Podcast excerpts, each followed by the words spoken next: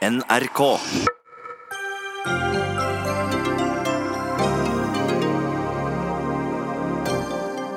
IS-søstrene og deres barn må også tas hjem til Norge, mener forfatteren Åsne Seierstad. Ikke aktuelt, svarer Frp. Og hva slags hjelp får de fem norske barna som ble hentet hjem fra Syria i går, spør vi, og barneministeren svarer. Carl Eirik Schjøtt Pedersen fordreier hele klimadebatten, hevder klimaforskere. Vil ha seg frabedt at oljetoppen bruker FN i kampen for en høy oljeproduksjon. Staten krever et mer effektivt kulturliv. Vær nå ærlig og kall det kutt, svarer styrelederen ved Det Norske Teater og møter kulturministeren i Dagsnytt 18. Og Helgheim i Frp vil nekte muslimer bostøtte om de nekter å ta opp boliglån av religiøse grunner. Urimelig, mener KrF.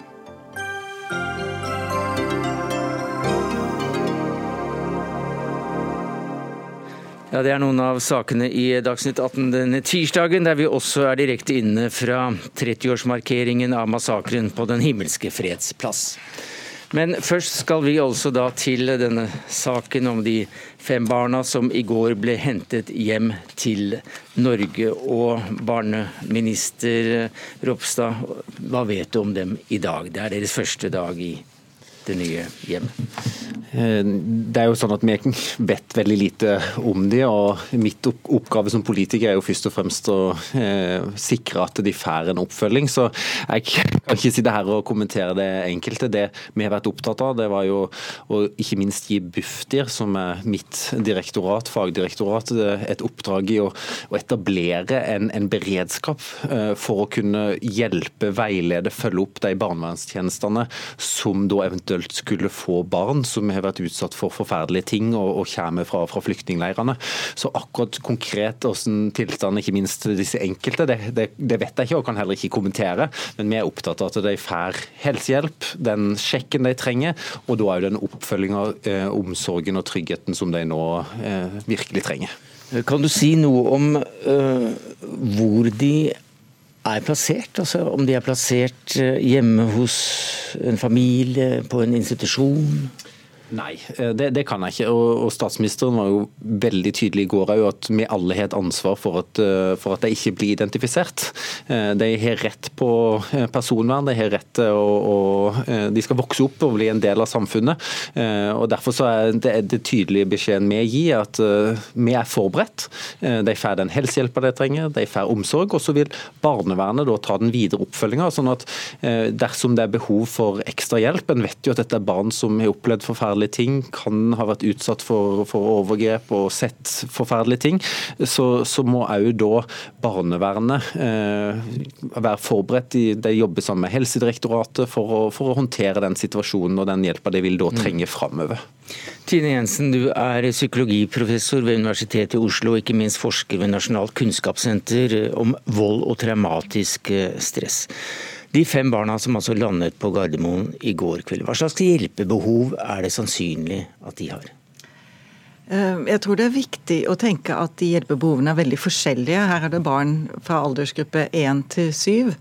Og antageligvis så har de vært i situasjoner hvor de har hatt um, mangel på omsorg, eller i hvert fall ikke fått dekket sine grunnleggende behov for trygghet, Alt fra mat, eh, fri utfoldelse, lek, intellektuell stimulering, alle disse tingene.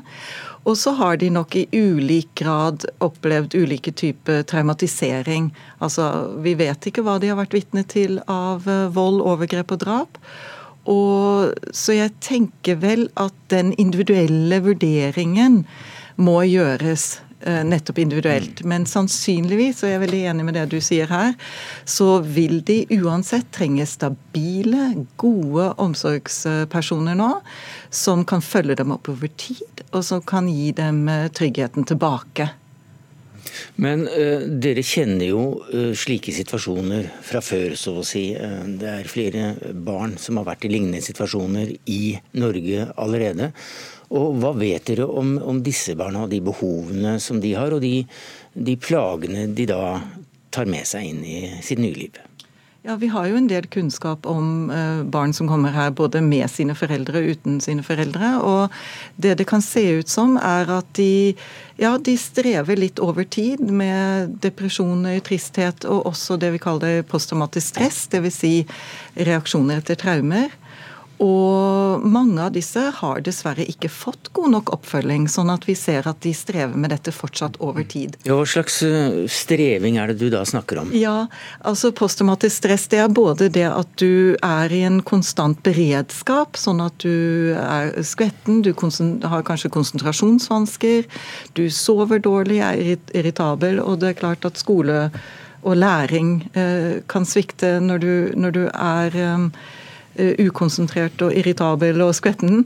Men det er også det at de kan ha påtrengende minner av det som har skjedd. At de kan se for seg eh, ulike overgrepssituasjoner eller vold. Og det, det, er plagsomme ting som man ofte trenger behandling for, hvis ikke det går over av seg selv. Er Norge godt rustet til å, å ta seg av slike barn?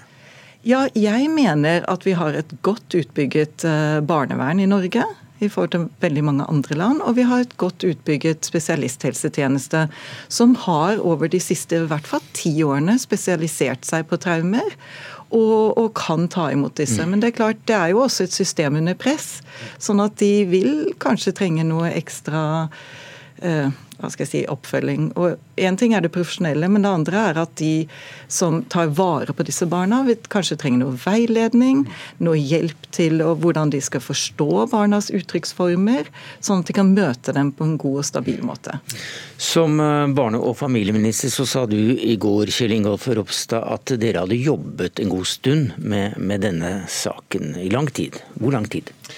Nei, det har vi jo valgt å ikke gå ut med, nettopp fordi at det er sikkerheten til, til ungene som, som, er viktigst. og Derfor kommenterer vi ikke heller hvordan den prosessen har vært. fordi eh, Noe av det som var viktig, var jo at det ikke ble kjent. Eh, fordi at en visste at hvis informasjon kom ut, så kunne det forverre mulighetene, og ikke minst eh, kunne det være risiko for, for ungene. Så, Men nå er ungene her, eh, så kan du si noe om måten de ble hentet ut av disse leirene på? Nei, og det henger jo sammen med at eh, dersom det skulle være nye eh, operasjoner, så, så så vil en jo ikke avsløre metodene som er brukt. Men det har vært et fantastisk arbeid på veldig mange ulike fronter og veldig mange forskjellige personer, og det er jeg veldig takknemlig for. Og jeg var veldig glad når de kom trygt hjem. Eh, og da er den viktige jobben nå å sikre at de får den tryggheten og omsorgen som, som de trenger. Mm. Eh, korrespondent Sisse Wold, du befinner deg i nærheten av denne leiren der de, eh, disse barna ble hentet ut fra. Du har snakket med folk som befinner seg inne i leiren. Hva forteller de om forholdene der? Ja, jeg er i Erbil og har snakket med flere kolleger her som var inne i Al-Hol-leiren i Syria sist uke. De forteller at eh, leiren er på kokepunktet fordi at det er masse, mange tusen frustrerte mennesker der som ikke vet hvor de skal gjøre av seg. Ingen vil ha noe med dem å gjøre. De har ikke nok mat eller medisiner. Og mange av dem er også sterkt radikalisert fremdeles. Og en grunn til at eh, kurdiske myndigheter ikke har latt eh, vestlige journalister journalister slippe inn der på en stund, er at de rett og slett mener at det er farlig for dem. En av dem jeg har snakket med, fortalte at eh, han ble truffet av steiner. Eh, det var rasende folk som eh, nærmest prøvde å angripe han, og at, at andre har vært redd for å rett og slett bli knivstukket hvis det går inn dit. Fordi en del av dem er såpass tro mot IS at de mener at man kanskje skal prøve å ta livet av de som de kaller for vantro. Og det hjelper jo ikke at det ikke er noen fremtidsutsikter for dem, og at ingen har noen plan om å hente hjem de som er eh, fra utlandet. Hva sier du til det, Ropstad? Nei, Det er jo en beskrivelse som, som, er forferdelig. og det er klart at de, Disse ungene er i en veldig veldig krevende situasjon. Ja, Det er flere norske unger der? Ja, og, og, det er jo derfor at vi har vært opptatt av å sikre at ikke minst de foreldreløse som ikke har omsorgspersoner, som er ekstra sårbare, skal prioriteres. Og, Men hva da med de, som har en, med de som har en fremdeles mor der? Ja, altså Vi har valgt å ikke kommentere eventuelle pågående prosesser for, for andre. Jeg er veldig glad for at de fem nå er kommet trygt hjem. og Mitt fokus som barneminister er jo at de får den hjelp og oppfølginga som, som, de trenger. Eh, Sissel Wold, du befinner deg nå også i, i Nord-Irak, og du har besøkt uh, en flyktningleir med irakiske flyktningfamilier. Hva er inntrykket derfra? Ja, Vi kjørte forbi en uh, landsby her som var totalt forlatt og ødelagt. og Der hadde hele landsbyen vendt seg til IS, sluttet seg til IS, og nå lever de i flyktningleirer like ved der de kom fra. Det var mange mange barn der som fortalte at ja, vi kommer fra den landsbyen som heter Hazer Sham, eh, men det er jo ingen som vil si direkte til utenlandske journalister at ja, vi har vært medlem av IS. For det er klart, IS-folk er veldig upopulære her. Kurderne har jo vært i front både i Irak og i Syria i kampen mot IS og mistet mange av sine egne. Så det store spørsmålet er jo også hva som skal skje med Syrias og Iraks egne IS-familier, og også barna. Her hjemme så pågår det jo en, en debatt eh, om hvorvidt Norge bør, eh, bør, ta hjem eh, familier, altså mødre med barn fra disse flyktningleirene som har vært tilknyttet da, da IS. Eh, hvordan opplever du at kurdere og kurdiske myndigheter som du møter, ser på, på europeiske lands forpliktelser i så måte? Ja, Kurdiske myndigheter i Nord-Syria, Rojava, har vært veldig skuffet og egentlig nok ganske sinte. Fordi at eh, velferdssamfunn som Norge, rike land i Europa og USA ikke vil ta hjem sine egne fremmedkrigere og deres familier og enker. Eh, de syns det er helt urimelig at denne byrden skal legges på de syriske kurderne, som virkelig har nok andre ting å bruke pengene på. De har bedt om at det eh, opprettes et internasjonalt eh, tribunal, en slags internasjonal rettssak. Kanskje man kan dømme en del av fremmedkrigerne og deres familier, og ikke barna, men deres familier der. Og spørsmålet da er om og når de blir dømt, hva skal skje med dem da? De mener også at det er spesielt farlig for barna som bor sånn som i Al-Hol-leiren, som blir radikalisert og som kanskje kan bli eh, IS neste generasjon. De sier at disse barna må bringes hjem til foreldrenes hjemland, sånn at de vokser opp i et sunt og trygt miljø og blir avradikalisert. Takk skal du ha, Sissel Wold i eh, i eh, Kurdistan. Vi går videre om akkurat eh, dette her med å ta inn de som fremdeles sitter i eh, disse leirene.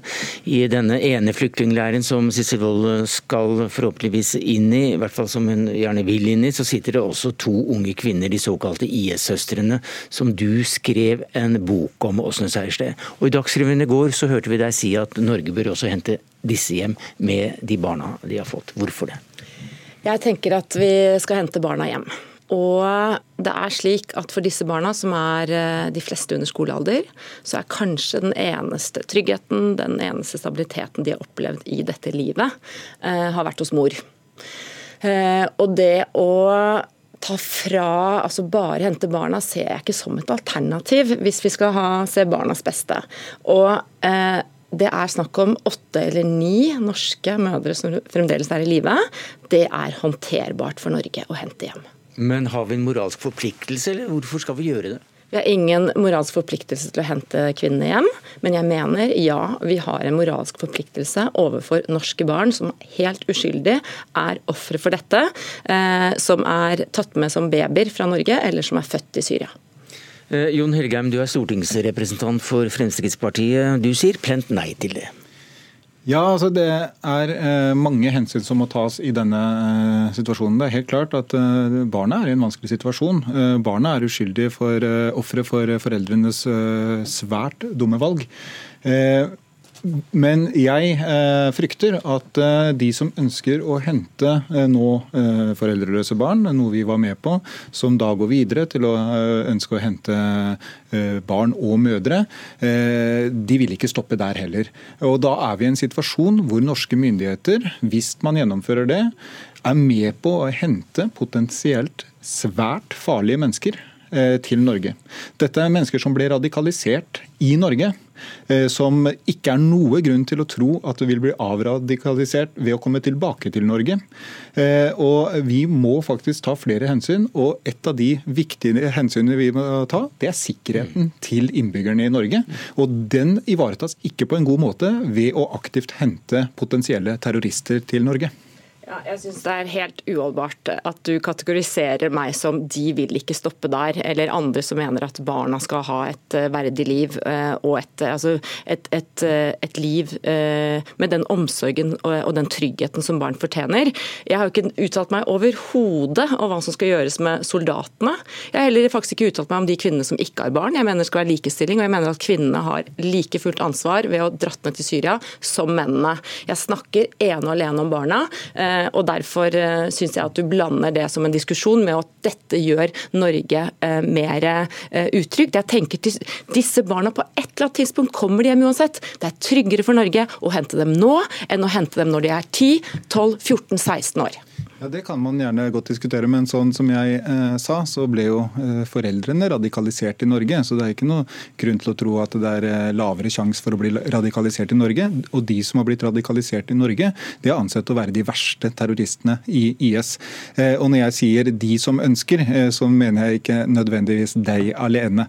Eh, da mener jeg et stort påtrykk fra mange organisasjoner, og også politiske partier.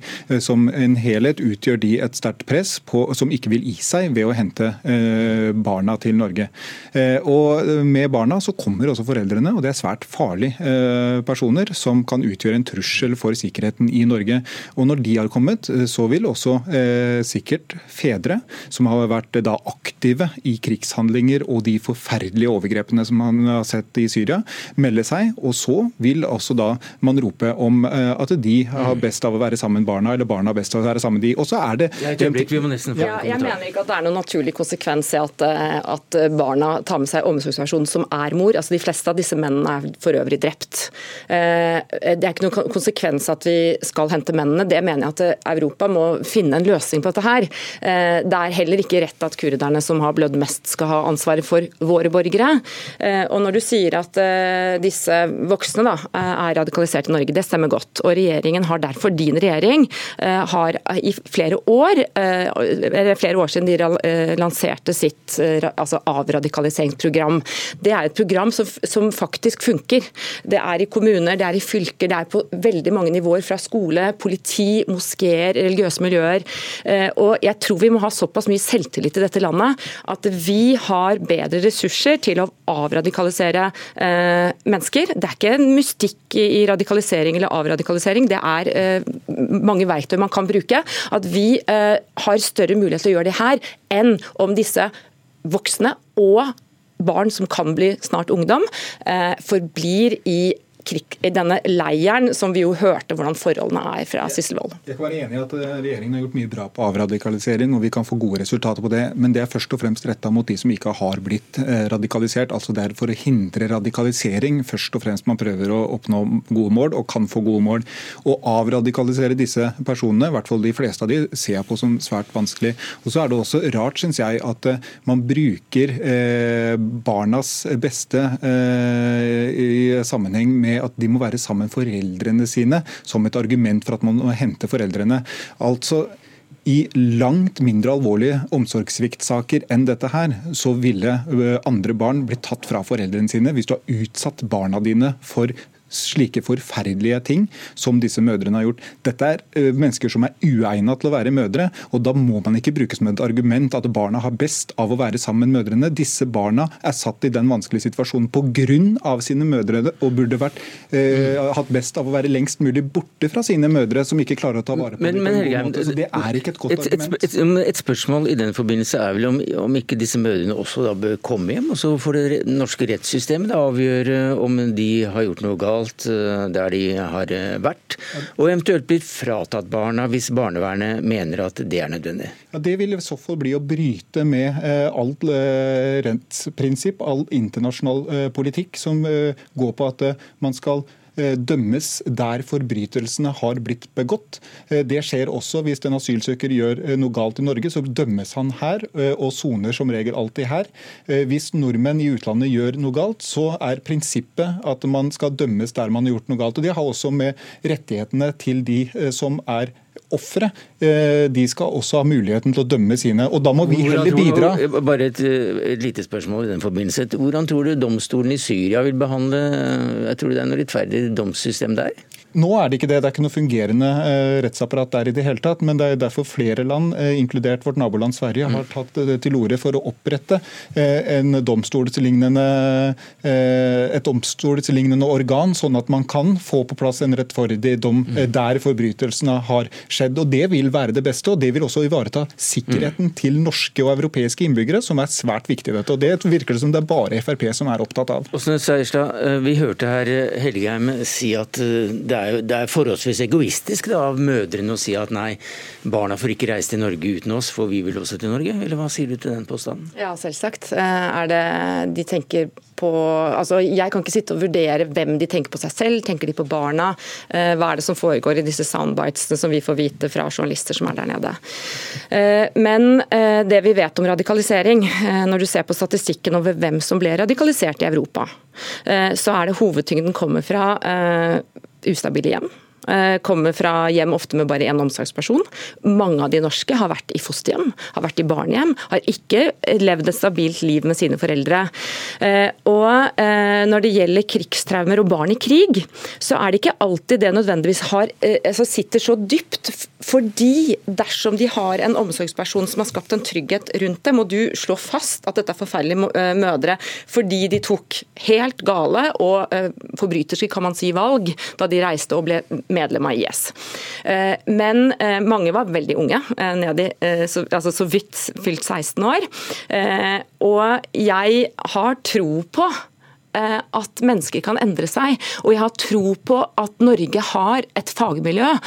Vi ligger langt fremme når det gjelder barn med krigstraumer. Jeg, jeg, har tro på at dette kan vi håndtere. Det er håndterbart. Vi snakker om åtte eller ni kvinner som har overlevd, norske kvinner som har overlevd eh, livet i kalifatet. Mm. Du har også da skrevet om disse to søstrene som det har vært veldig mye snakk om, og som da altså er aktuelle i denne saken vi snakker om eh, akkurat uh, nå. Uh, du kjenner dem godt uten å ha møtt dem, så å si. Hvordan tror du de har det? Nei, altså det er vanskelig å vurdere, faktisk. fordi at det de sier til journalister der nede fra den leiren Jeg tror ikke man snakker fritt fra den leiren. Ikke sant? De går rundt i de nikabene sine, eh, de sier de vil hjem, de sier ingen kommentar på IS. Betyr det at de fremdeles støtter IS, eller betyr det at det er en kustis i den leiren? At det snakker vi ikke om. Eh, hvordan de har det. altså Som du sier, jeg eh, kjenner til dem som man kjenner til Man skriver en biografi om noen som, som ikke er til stede. ikke sant? Gjennom hva de har sagt til andre, hva venninner, lærere, foreldre, hva de har skrevet ikke minst, og, og, og, hva de skrev fra kalifatet til broren sin, eller på Twitter, på Facebook. Det er den kjennskapen jeg har til dem. Aftenposten møtte dem, og da ville de så vidt, eh, eller egentlig ikke snakke norsk i det hele tatt. Men vi får eh, se hvordan det går. Takk skal du ha, Jon Helgheim, stortingsrepresentant for Frp.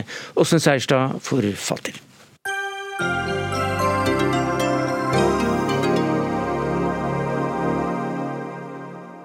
Tolv klimaforskere mener at Carl Eirik Schjøtt-Pedersen fordreier og feiltolker FNs klimapanel i den viktige debatten om norsk eh, oljeutvinning.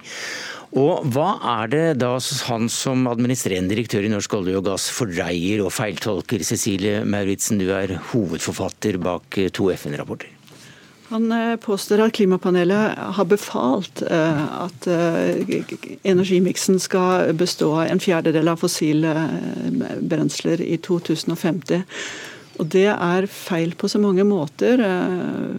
Først og fremst fordi klimapanelet aldri vil befale noen ting. Vi, et, vi skal gi kunnskapsbakgrunnen, så andre skal ta politiske beslutninger. Eh, og, eh, og, så er det rett og slett eh, På en måte han utfordrer integriteten Eller han, han tar Han skyver panelet foran seg og, og, og sier at vi er de som Altså fordi vi har sagt dette, så må det være sant. Eh, men han feiltolker. altså det, vi, vi, må ikke det. Fossil er ikke del av eh, løsningen, det er del av problemet. Så FNs klimapanel har aldri sagt at uh, man må ha en fjerdedel fossilt brennstoff for å nå målene i fremtiden? Overhodet ikke. Karl Eirik Skjøtt Pedersen, Adendir i Norsk olje og gass, hva sier du til det? Jeg tror vi snakker veldig forbi hverandre, så jeg tror det skal være ganske Ikke, for, ikke foreløpig. Nei, jeg tror vi skal klare å rydde ganske fort oppi der. Det første er jo å ha en brei enighet om at rapporten fra klimapanelet egentlig krystallklar. At eh, vi står i en veldig alvorlig situasjon. Eh, at vi snart ikke har mer tid. Eh, at vi ser virkningene av klimaendringene allerede. Alt dette vet vi, men altså, din tolkning av det Du skal ha sagt at vi må faktisk bruke en fjerdedel fossil brennstoff hvis vi skal nå klimamålene? Nei, det har jeg ikke sagt. Men jeg har sagt, Hva er det du har sagt? Jeg har sagt det at i vi er nødt til å ta dypt inn over oss de anbefalingene som kommer fra klimapanelet. Vi må redusere utslippene. Men vi trenger en nyansert debatt.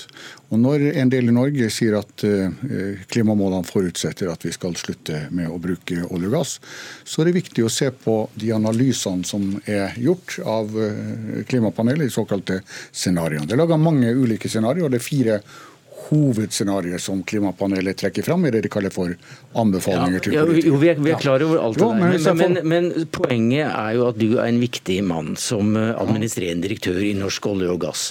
Og hvis du da har sagt at, eh, at FN mener at eh, man må ha uh, en fjerdedel Jeg har ikke sagt det slik som det her. Nei, ok. Har du, har du rett og slett I dette øyeblikket jeg får lov til å fullføre hva du nei, Ja, men det, du har fortalt mye om klimapanel, men vi får nesten høre Cecilie Mauritzen som klimaforsker si har du misoppfattet uh, Schjøtt-Pedersen helt her? Nei, det tror jeg ikke. Jeg har hørt det så mange ganger i løpet av hele vårsemesteret at dette her kan det ikke være noe tvil om. Han gjentar den samme, de samme ordbruken hver gang eh, jeg har hørt det. Men hvis dere tar på dere headsetet nå, så skal vi få kontakt med produsenten her og høre om de kan spille av det kuttet fra Når var det? Var det her i Dagsnytt 18 eh, den 23. april?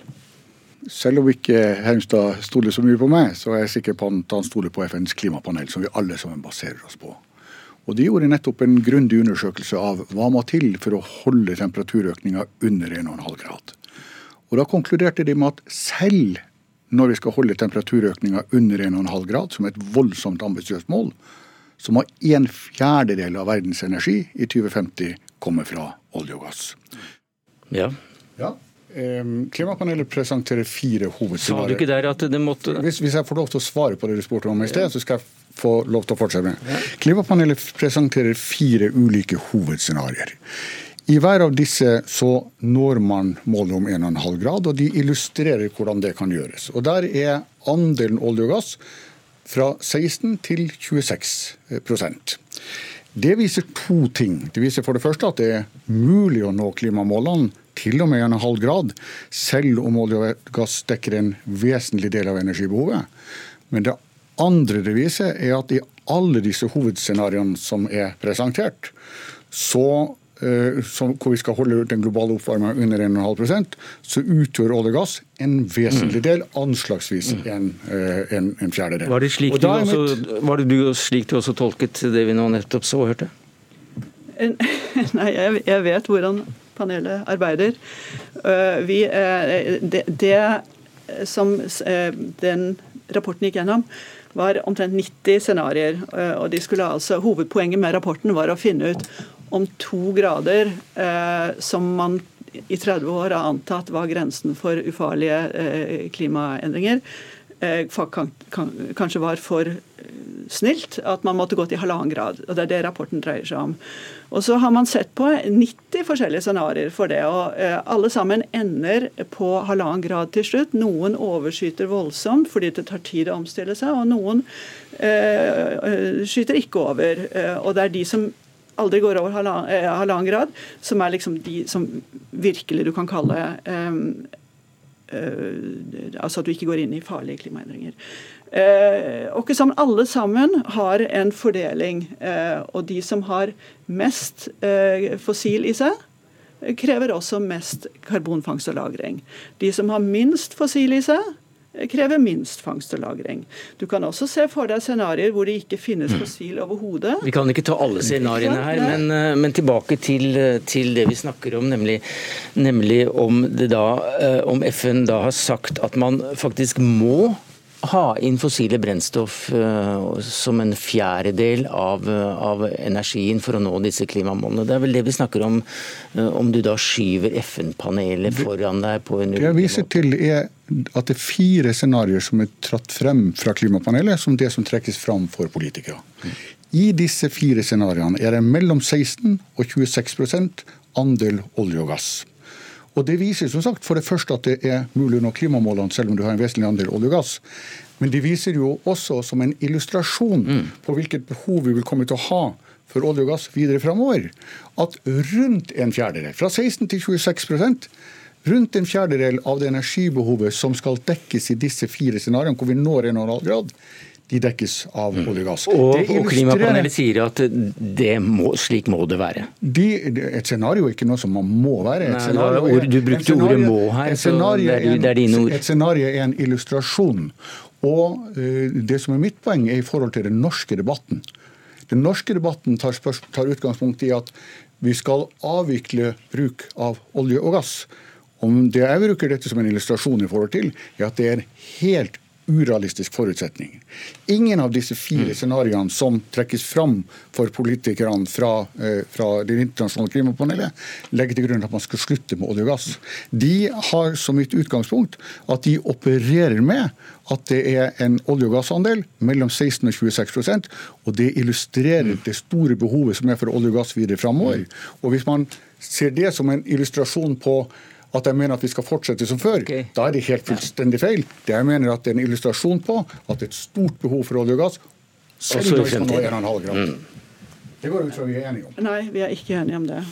Det snur hele panelet opp ned. Problemet Fossil er problemet. Det klimapanelet sin anliggende er å få ned CO2-utslippene. Du er enig at disse fire alternativene er de som er trukket fram for politikere, og at de inneholder mellom 16 og 26 olje og gass? Mm. Det går jeg ut fra du er enig om. Det står i rapporten. De har, de har eh, vist som eksempler, nettopp. Nei, ikke eksempler. Ja, ja. Rapporten trekker fram fire hovedscenarioer som de er, tar frem i sitt 'Summary for Policymakers'.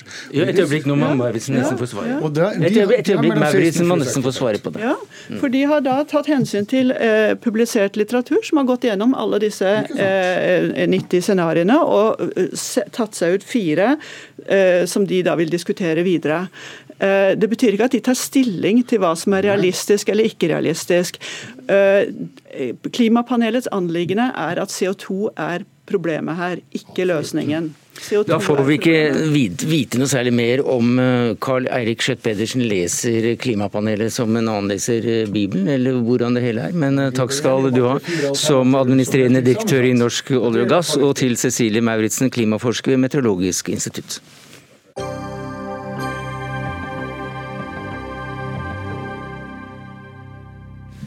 Senere i eh, sendingen så skal eh, vi eh, høre at Frp vil kutte boligstøtten til dem som ikke tar opp boliglån av religiøse grunner. Men nå til dagen i dag, 4. juni. Det er altså da 30 år siden massakren på Den himmelske freds plass. Og så betent er dette fremdeles i Kina at myndighetene ikke vil ha noen markering. Men allikevel. I Hongkong har det vært demonstrasjoner, og der er du korrespondent eh, Kjersti Strømmen. Hva har skjedd? Ja, I dag mellom klokka åtte og ti lokaltid så samler jeg eh, mellom 100 000 og 880 000 og 37 000 mennesker for å minnes det som skjedde på Den himmelske freds plass. Eh, det tallet er ikke sikkert, fordi at eh, de som arrangerte det, mente én ting, og eh, de som var her som politi, mente et annet tall. Men det som skjedde på markeringen, var at man hadde et stille minutt for de døde i massakren på Den himmelske freds plass. Man hadde levende lys, folk hadde hvert sitt eget og eh, satt stille og hørte på det som skjedde på scenen. Det ble sang og musikk der man minte ofrene, og eh, det var en av eh, mødrene til et av ofrene som talte til forsamlingen. Det var knyttet en del spenning til, til hvorvidt dette ville gå fredelig for seg. Hvordan har det gått? Ja, Det har gått fredelig for seg her i Hongkong, absolutt. Her er det jo fremdeles lov å demonstrere, og det var en organisert demonstrasjon innen de rammene som ble gitt. Så her har det ikke vært noe annet enn akkurat den markeringen som var planlagt på forhånd. Hvorfor var det så viktig for nettopp Hongkong å kunne arrangere en, en slik markering? Ja, Det er jo fordi at Kina går i en stadig mer autoritær retning. Og Hongkong er jo blitt igjen en del av Kina. Og her kjenner man mer og mer på kroppen at eh, Kina ønsker å få større og større grep på samfunnet her.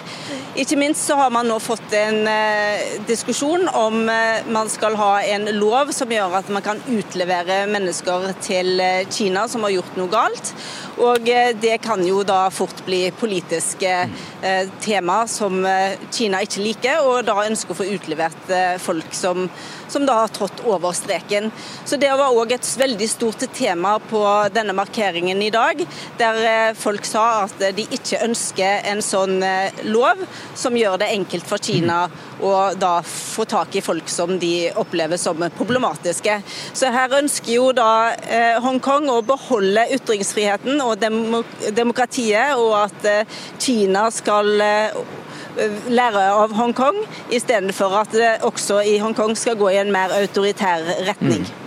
Takk skal du ha fra Hongkong, Kjersti Strømmen. De som ønsker å se hvordan man har det i eh, Beijing nå, de kan eh, se en eh, kortreportasje på nrk.no som, som, vi har lagt ut der.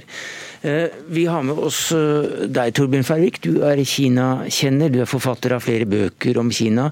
Og du er også historiker, skrev om nyere kinesisk historie.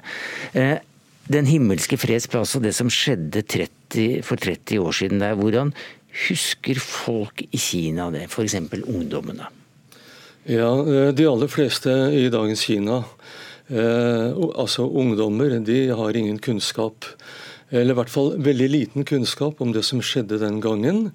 Eh, og Det kommer jo av at eh, kommunistpartiet har forsøkt å tåkelegge eh, dette så godt som mulig, med fortielser, omskrivninger av historien.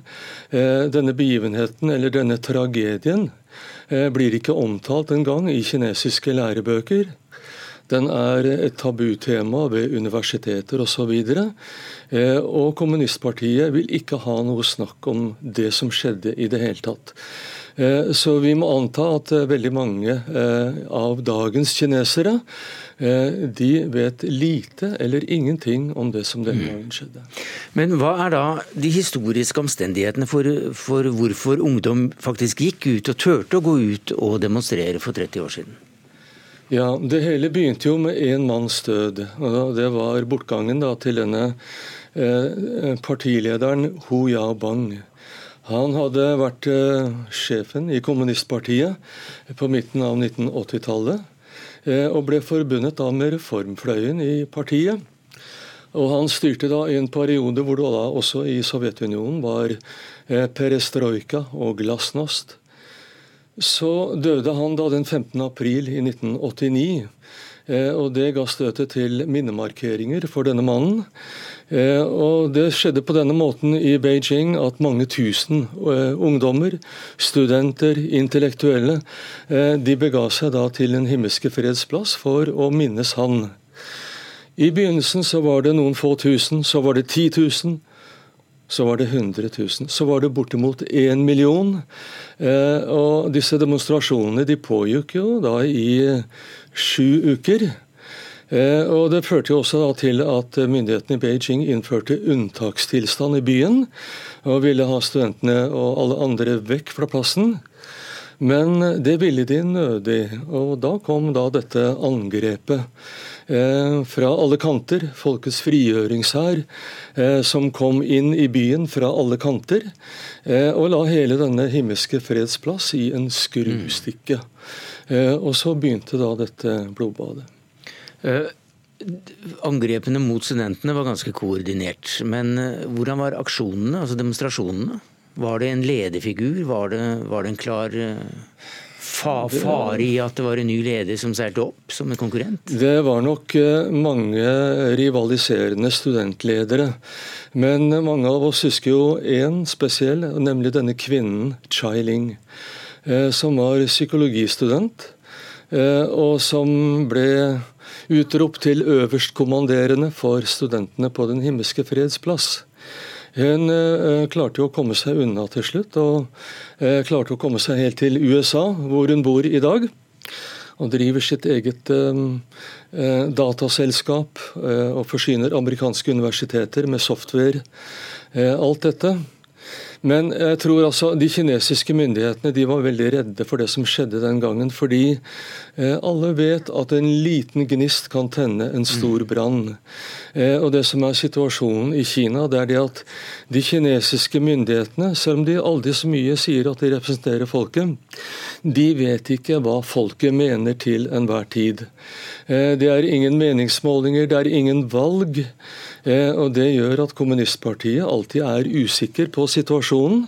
Eh, og Da tyr de gjerne til veldig harde midler for å statuere eksempler. Men ordet demokrati, hvordan brukes det i, eh, i Kina?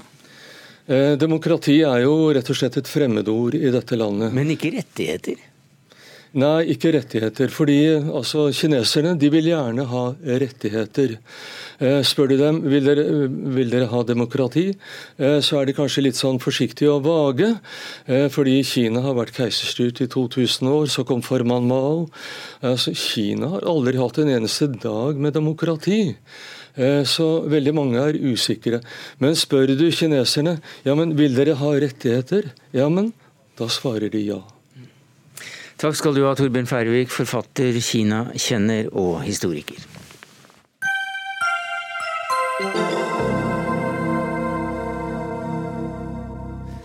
Ja, Heller ikke teater- og kunstfeltet kommer unna statens krav om effektivisering og optimalisering. I likhet med departementer og direktorater som skal kutte i byråkratiet samt optimalisere arbeidskapasiteten, står også landets kulturinstitusjoner og klør seg i hodet for å se hvordan de skal møte disse kravene. Også du, Nina Refseth, som da styreleder av Det Norske Teater. Men du advarer nå, mot regjeringens effektiviseringsreform, bedre eller dårligere kjent som ABE-reformen. Hvorfor det? Uh, la meg først starte med å si at Jeg er ikke imot at vi skal drive effektivt. Jeg tror også at alle institusjoner som mottar statsstøtte, har godt av å bli kikka i kortet av og til, og se hvordan du skal drive best mulig. Og Så var det ABE-reformen og at du advarer mot det? Nettopp. For det Norske Teatret vi starta med å se på dette før den reformen starta. Hvordan kan vi drive mest mulig effektivt? Hvordan kan vi tjene mest mulig penger? Og få mest mulig teater ut av de pengene vi faktisk får. Og så får vi disse ABE-kutta, som er sånn 0,5-0,7% årlig. Og så greier du litt. Og vi svarer ut på det nivået at vi faktisk da har greid å svart hele veien. Vi har lagt om fra administrasjon, flytta ressurser over til kunstnerisk virksomhet. Vi har økt egeninntektene fra i 2011 var de på ca. 37 millioner til 80 millioner i fjor. Og på et eller annet tidspunkt så begynner du å merke at repertoaret av virkemidler er mindre. Det betyr at det neste du må ta, det er kunstnerisk aktivitet. Og der er det vi befinner oss. Så det... du, du, mener altså at ikke snakk om effektivisering lenger, snakk heller faktisk om kutt? Ja, nettopp fordi det, det kommer jo ikke noe formål med den effektiviseringa, annet enn at det skal brukes litt mindre penger. Trine Skei Grande, som kultur- og likestillingsminister, hva sier du til det? Ser du for deg at endemålet blir eh, kortere forestillinger eller færre pauser? Nei, det er parodisk å snakke om at man innenfor offentlig sektor skal ha, ikke kunne gjøre de samme grepene som alle andre i samfunnet hele tida holder på med, med å strekke seg og jobbe på nye måter, finne nye, nye virkemidler å bruke det på. De, alle institusjonene får først lønns- og prisstigninger kompensert, og så får de et lite kutt knepp hvert år. Men må huske at dette er institusjoner som over tid har fått store økninger. De, eh, det norske får 100, over 180 millioner i året eh, fra, fra staten for å, å jobbe sånn som, eh, sånn som, vi ønsker de skal lage, til å lage god teater. Men jeg tror alle sammen har godt av å ha en mm. liten beskjed hvert år om å prøve å tenke er kostymelageret vårt organisert bra nok, er tekniske løsningene organisert bra nok, trenger vi den type eh, organisering som vi alltid har hatt? Dette har du bare gått og refset. Ja, Det høres ut på Skei Grande som hun tror at vi ikke gjør det i utgangspunktet. Det er jo ikke sånn at vi sitter på rumpa og venter på å finne blir tvunget til løsninger. Det foregår et utstrakt samarbeid med private aktører, mellom store institusjoner. og Nettopp derfor så venter vi med å si fra til vi sier at nå begynner vi å tømme på det repertoaret. Så nå må vi faktisk begynne å se på hvordan skal vi endre det kunstneriske. Sånn at vi fremdeles kan levere best mulig til publikum, men det er et reelt kutt. Og jeg ser jo heller ikke hvilket formål det er skal, når skal det slutte, holdt jeg på å si? Er det når vi sitter i en krok og leser vare nynorske dikt i en krok? Jeg antar at man for 180 millioner i året klarer å lage mer enn å lese dikt. Eh, dette mener jeg er en ganske sånn eh, ja, rar argumentasjon. Jeg tror at alle sammen i det norske samfunnet oppdager at de må strekke seg hele tida. Det skjer at teknologien hjelper oss, måten vi markedsfører på endrer seg. Det å hele tida bruke de riktige måtene knytta til hele apparatet rundt de kunstneriske løsningene. Det er ikke sånn at den teknologiske utviklinga i Norge har stoppa opp i dag, og kommer aldri lyd og lys på en scene kommer aldri til å kunne være organisert på noen annen måte enn det akkurat det er i dag. Jeg tror at alle sammen trenger å ha det. Dette er en av de få styringsmetodene vi har for å sørge for at alle sammen som mottar så mye i offentlig støtte, faktisk hele tida er med å strekke seg og tenke på nye måter. Ja, og for det første så vil jeg si at Alle som har prøvd å innføre ny teknologi, vet at det i hvert fall ikke er gratis. Og så er det et eller annet med at jeg sier jo nettopp at jeg godtar det er behovene for innsyn. Men det er jo på en måte ikke etablert noen måleparameter. Det er ikke sagt når skal vi se om dette er effektivt. Hva er egentlig hensikten? Vi skal drive litt og litt mer effektivt. Ja, det gjør vi. Og det betyr på et tidspunkt at man begynner å berøre det kunstneriske uttrykket. Og der vil jeg også understreke at veldig mye av det Skei Grande snakker om her, lys og lyd, det er integrerte deler av det kunstneriske uttrykket. Ja, selvfølgelig er det det, men det er klart at teknologien knytta til dette har endra seg mye. Sånn som det gjør når du, om hvordan du organiserer alle sceniske ting rundt, rundt eh, produksjon av, en, av, de store produksjonene som vi ser. Mm. Men vi mener hele tida at alle sammen må ha det samme utfordringa. Jeg har ikke mange andre virkemidler for å hele tida eh, presse institusjonene til å tenke litt. Og det er ingenting som tyder på at dette lille kuttet har ført til noe færre produksjoner ved noen som helst av teatrene våre. Og vi ser, et, og vi ser en økning. Nina Refseth som styreleder i Norske Teater om dette her, for de hadde jo en kjempesuksess i fjor og gikk eh, så det kvein etter med, med, med, musikaler. Eh, Book of Mormon ikke minst. Så, så det må da være bra eh, publikumstilfang, og hvorfor i all verden skal dere ha dårlig økonomi da? Nei, jeg sier ikke at vi har dårlig økonomi. Jeg sier nettopp at det vi styrer etter. At vi må jobbe der det påvirker de kunstneriske valgene. Og Da har jeg lyst til å bruke et eksempel på teknologi. For der det går veldig bra. Vi måtte ha ekstrafolk som setter på mygg. Det betyr rett og slett altså, lyden. Små mikrofoner, små mikrofoner som gjorde at vi hadde god nok lyd. For det var helt fullt i alle saler. Vi måtte ha ekstra bemanning på for å sikre brannsikkerhet. Så det er ikke sånn at teknologien kommer og ikke koster ressurser, verken, verken, teknologien eller menneskelige ressurser. Trine Skei Grande, jeg ble litt opptatt av Nina Refsets uh, anklager for så vidt mot departementet om at uh, det er jo ikke noe endemål her. Altså, Hvordan måler dere effektivitet i teaterbransjen? Kortere forestillinger foreslår jeg til å begynne med. Jeg, jeg, tror at omstilling og organisering rundt alt fra billettsystemer, annonsering, tekniske løsninger, eh, hvordan eh, teatrene organiserer seg i Oslo sentrum, tror jeg at det, at det fortsatt er en god del å, å gå på i, i mm. nye, nye, måter å tenke på. Husk på at dette er institusjoner som har hatt store løft. I dag får eh, Det Norske Teater 180 millioner i året. Det er en økning på over 50 millioner de siste ti årene. Så, og de får lønns- og prisstigning og de får eh, et, eh, ganske stor sikkerhet framover. Og, og, vi mm. vet at eh, vi må hele tida sørge på vegne av borgerne at vi, at vi har institusjoner som strekker seg, som utfordres. Nina Refseth, når er det vi opplever den virkeligheten at dere sitter i små kroker eller i store kroker på, på teater og så leser dikt? Jeg tror ikke vi kommer dit. Jeg tror bare at det som er faren her, er at vi har en langsom glidning i retning av en annen type uttrykksform. Vi gjør kunstneriske valg som langsomt ikke kommer til å vises. Og da utfordrer jeg ministeren, da får du komme med hvilke parametere du syns vi skal måles på. Og I mellomtiden så kan du i hvert fall komme og se på den nye musikalen, nemlig 'Lasarus'. Takk skal du ha, Nina Refseth, styreleder i Norske Teater. Til deg, Trine Skei Grande, kultur- og likestillingsminister. Hør Dagsnytt 18 når du vil. Radio NRK Radio.nrk.no.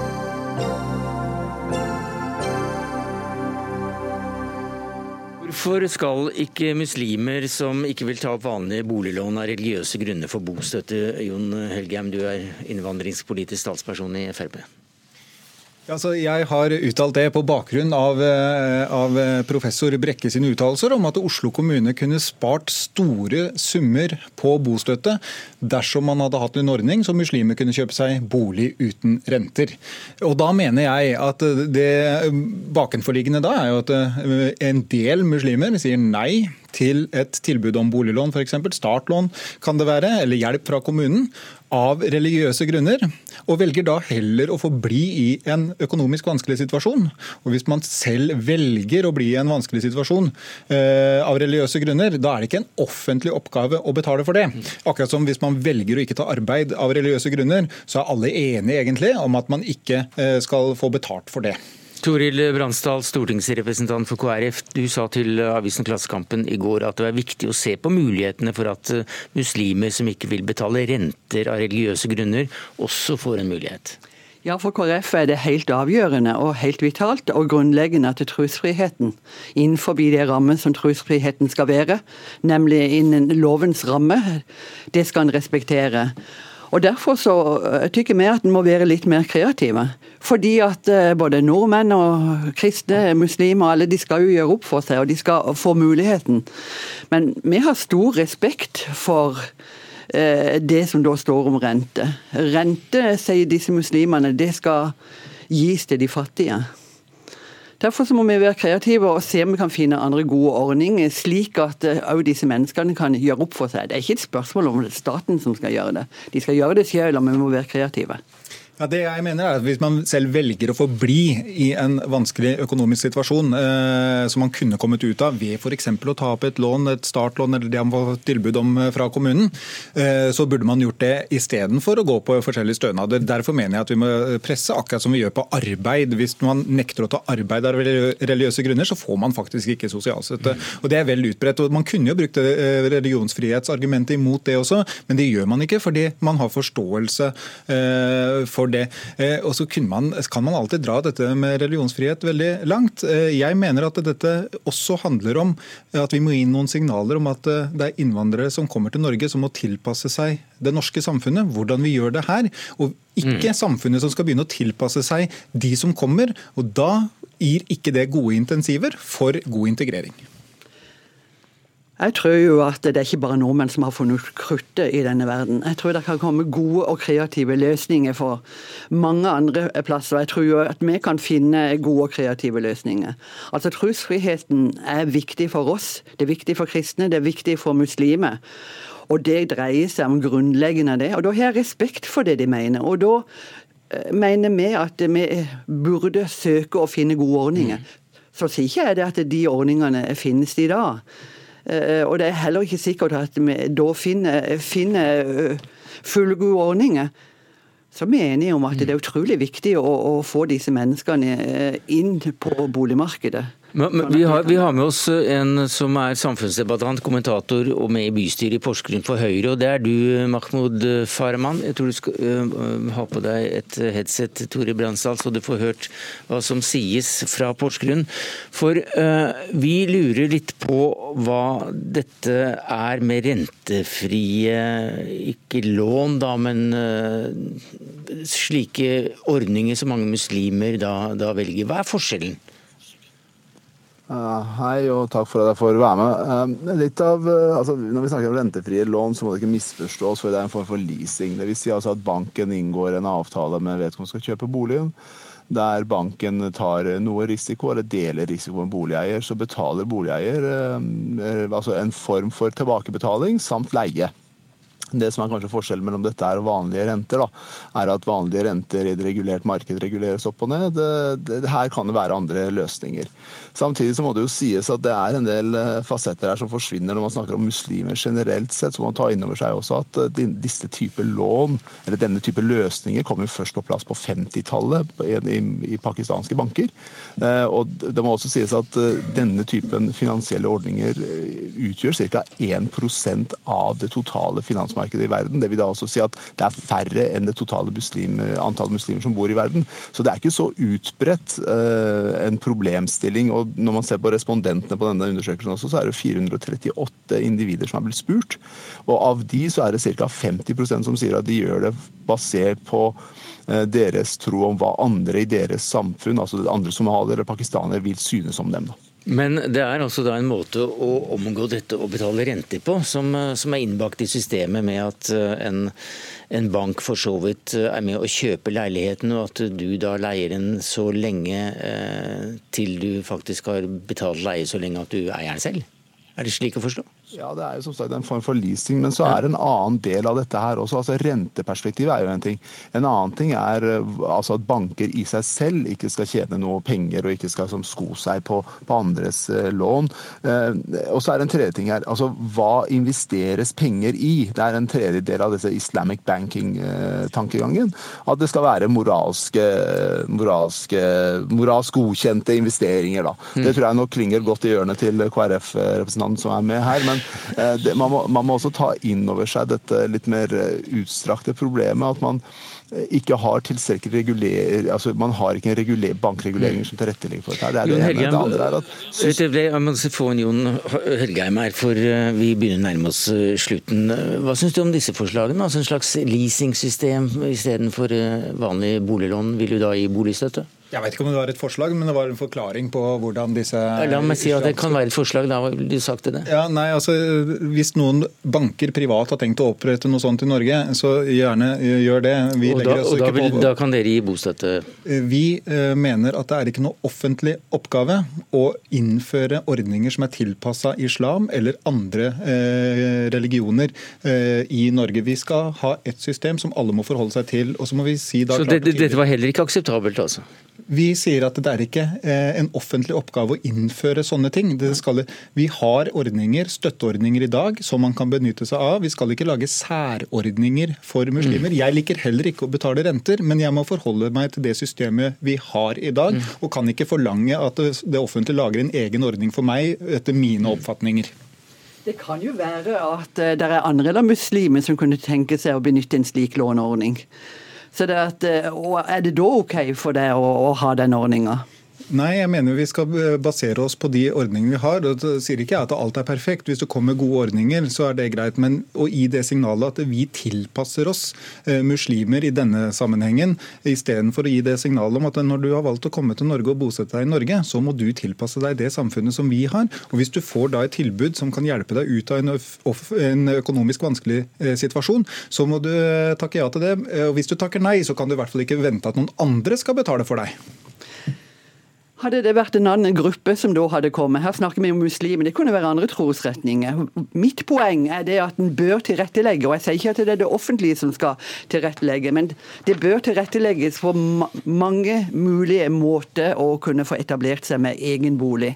Ja, uten at en skal om, ja. Akkurat her snakker vi om muslimer, og jeg mener selvfølgelig det samme om eh, alle som velger å komme til Norge. Man må tilpasse seg de ordningene vi har i Norge, og ikke eh, takke nei til ordninger og vente at andre skal betale for deg fordi du av eh, prinsipp mener det, det strider mot mitt livssyn å betale eh, dokumentavgift til mm. staten når jeg kjøper bolig, men jeg må gjøre det. Jeg kan ikke komme utenom det. Eh, og sånn bør alle tenke. Det var det siste vi rakk i Dagsnytt 18 i dag. Takk skal du ha, Mahmoud Farahman, samfunnsdebattant og Høyre-politiker, Toril Bransdal, stortingsrepresentant for KrF, og Jon Helgheim, stortingsrepresentant for Frp. Det var Dagsnytt 18 takket være Jarand Ree Mikkelsen, Hans Ole Hummelvold jeg heter Sverre Tom Radøy.